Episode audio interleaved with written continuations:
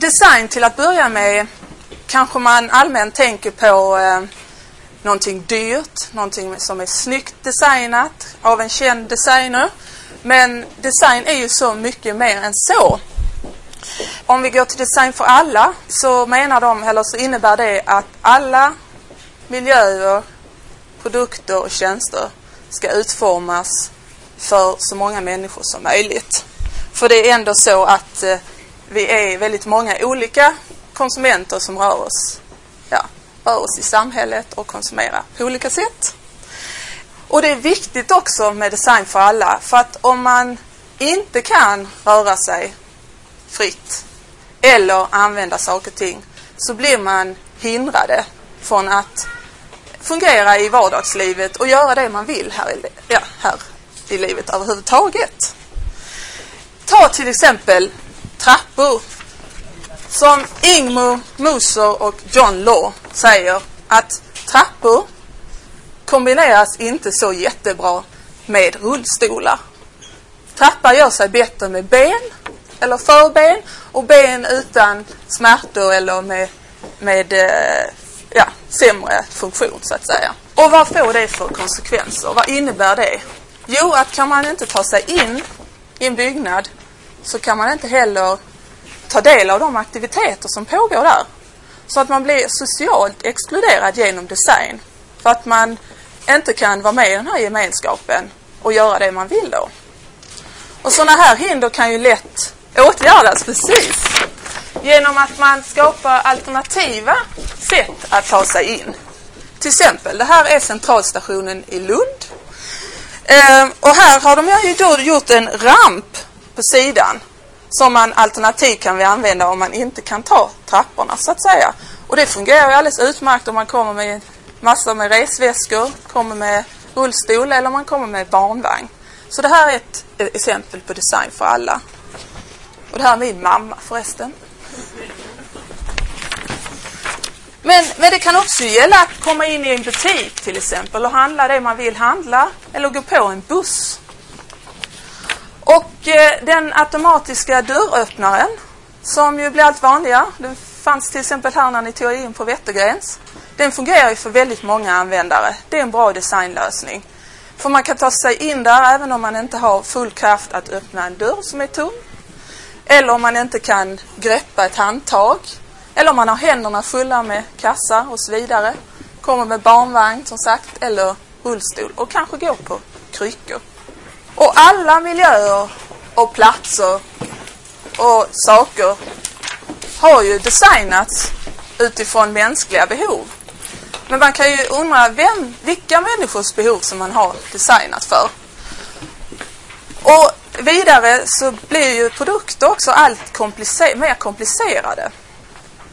Och ta till exempel en digital kamera. Det är en ganska vanlig konsumentprodukt idag oavsett ålder. Det är en det är en digitalkamera som man får köpa om man går in i en affär. Eh, och den är i och för sig ganska lätt att använda så länge man inte ska göra någonting extra. Men det finns ju jättemånga funktioner på den.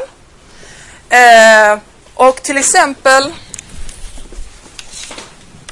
om du vill ta en väldigt närbild så finns det sån här förinställd eh, alternativ för det.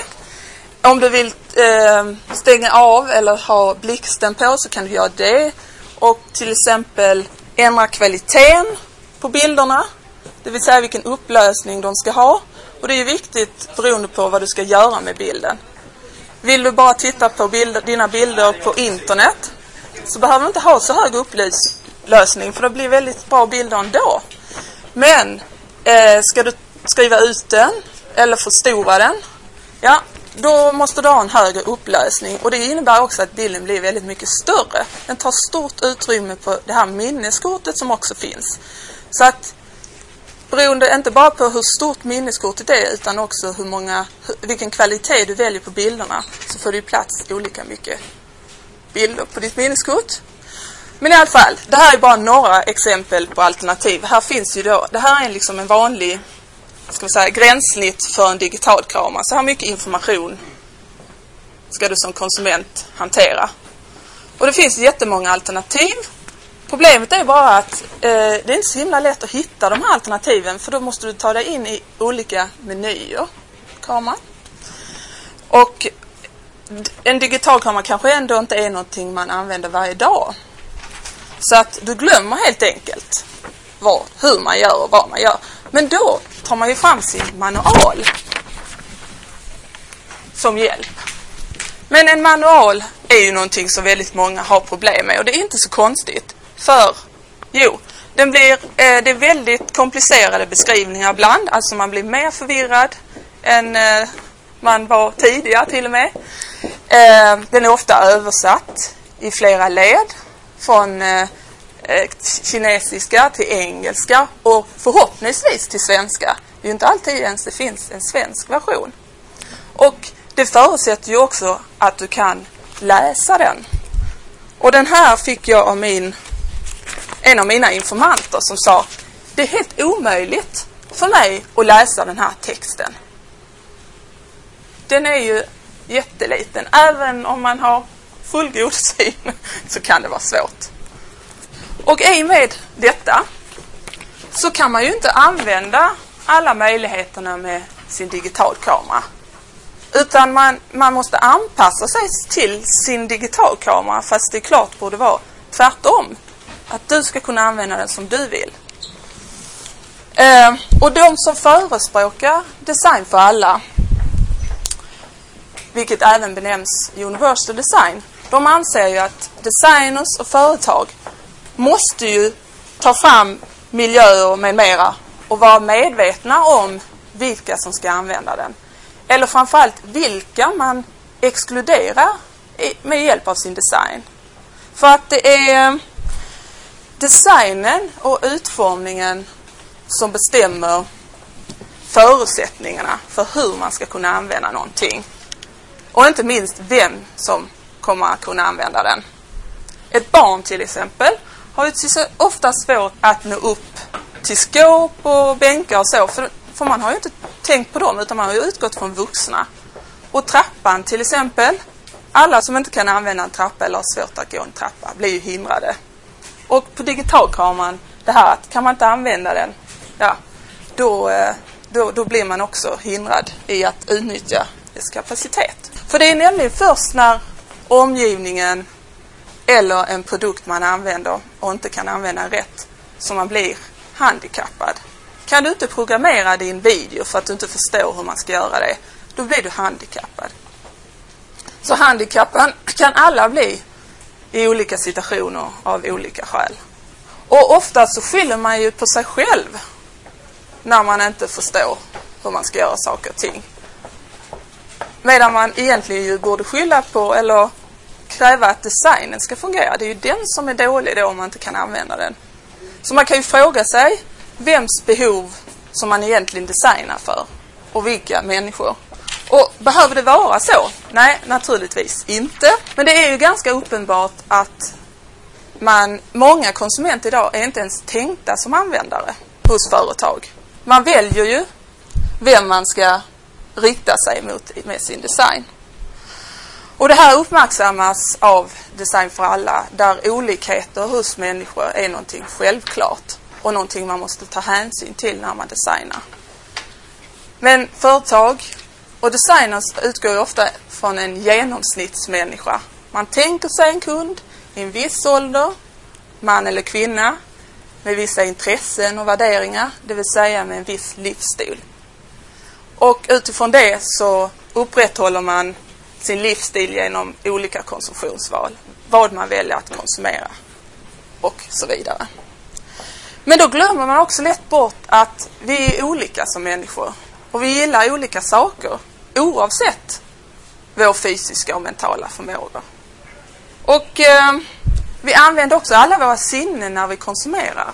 Så att de grejerna vi köper och använder, de vill vi inte bara ska vara användbara och lätta att använda och tillgängliga. Utan de ska, vi, ska, vi gillar dem, alltså de, vi får känsla för dem. Och eh, ja, de ska kanske se snygga ut. Det är ju viktigt för oss. För att vi kommunicerar ju också med andra i vår omgivning. Säger hur vi, vilka vi är genom det vi använder och konsumerar. Och eh, Därför måste det åtminstone finnas valmöjligheter för alla människor. Och eh, man vill ju som konsument varken känna sig eller bli sedd som annorlunda. Vi vill också vara oberoende av andra. Inte minst till exempel i vår egen bostad. Där spenderar vi väldigt mycket tid och också över generationer. Och det finns ett kök, ett amerikanskt kök eller ett amerikanskt företag, General Electrics, som har utvecklat ett kök för, som eh, tar hänsyn till olika användare.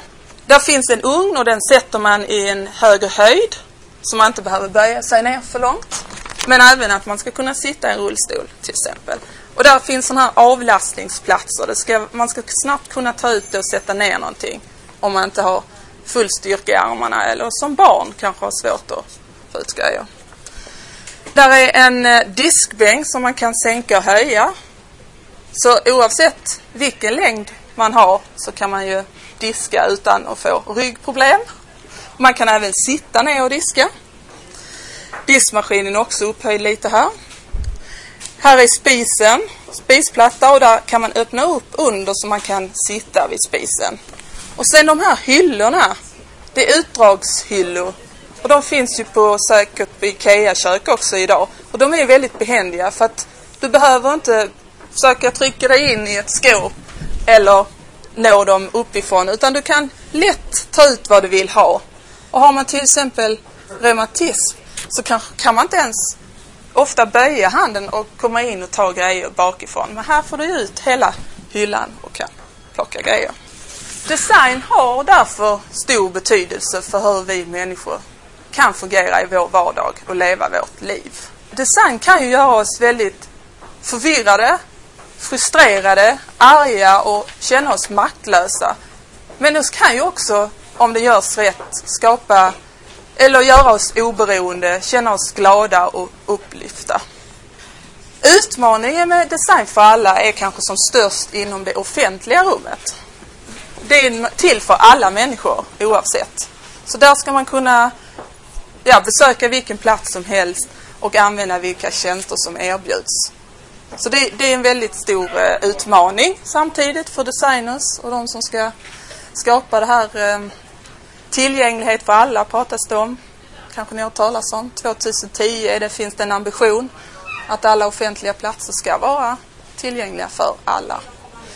Och med tanke på den åldrande populationen i Sverige och i hela Europa för den delen och i flera andra delar av världen så, så blir behovet av eh, att tänka på nya sätt kring design mycket stort. För oavsett om vi åldras och vår hälsa blir försämrad eller oavsett vad så vill vi ju som människor inte sluta bli mindre aktiva eller konsumera mindre. Så att just nu pågår det ett eh, stort eh, Design för alla-projekt. Och det hittar man på eh, Design för alla, ett ord, .se. Om man vill veta mer om detta det pågår också en stor kampanj i Stockholms tunnelbana som man kan se som går under namnet Befria olikheter. Och det var allt jag ville säga här idag. Tacka för mig.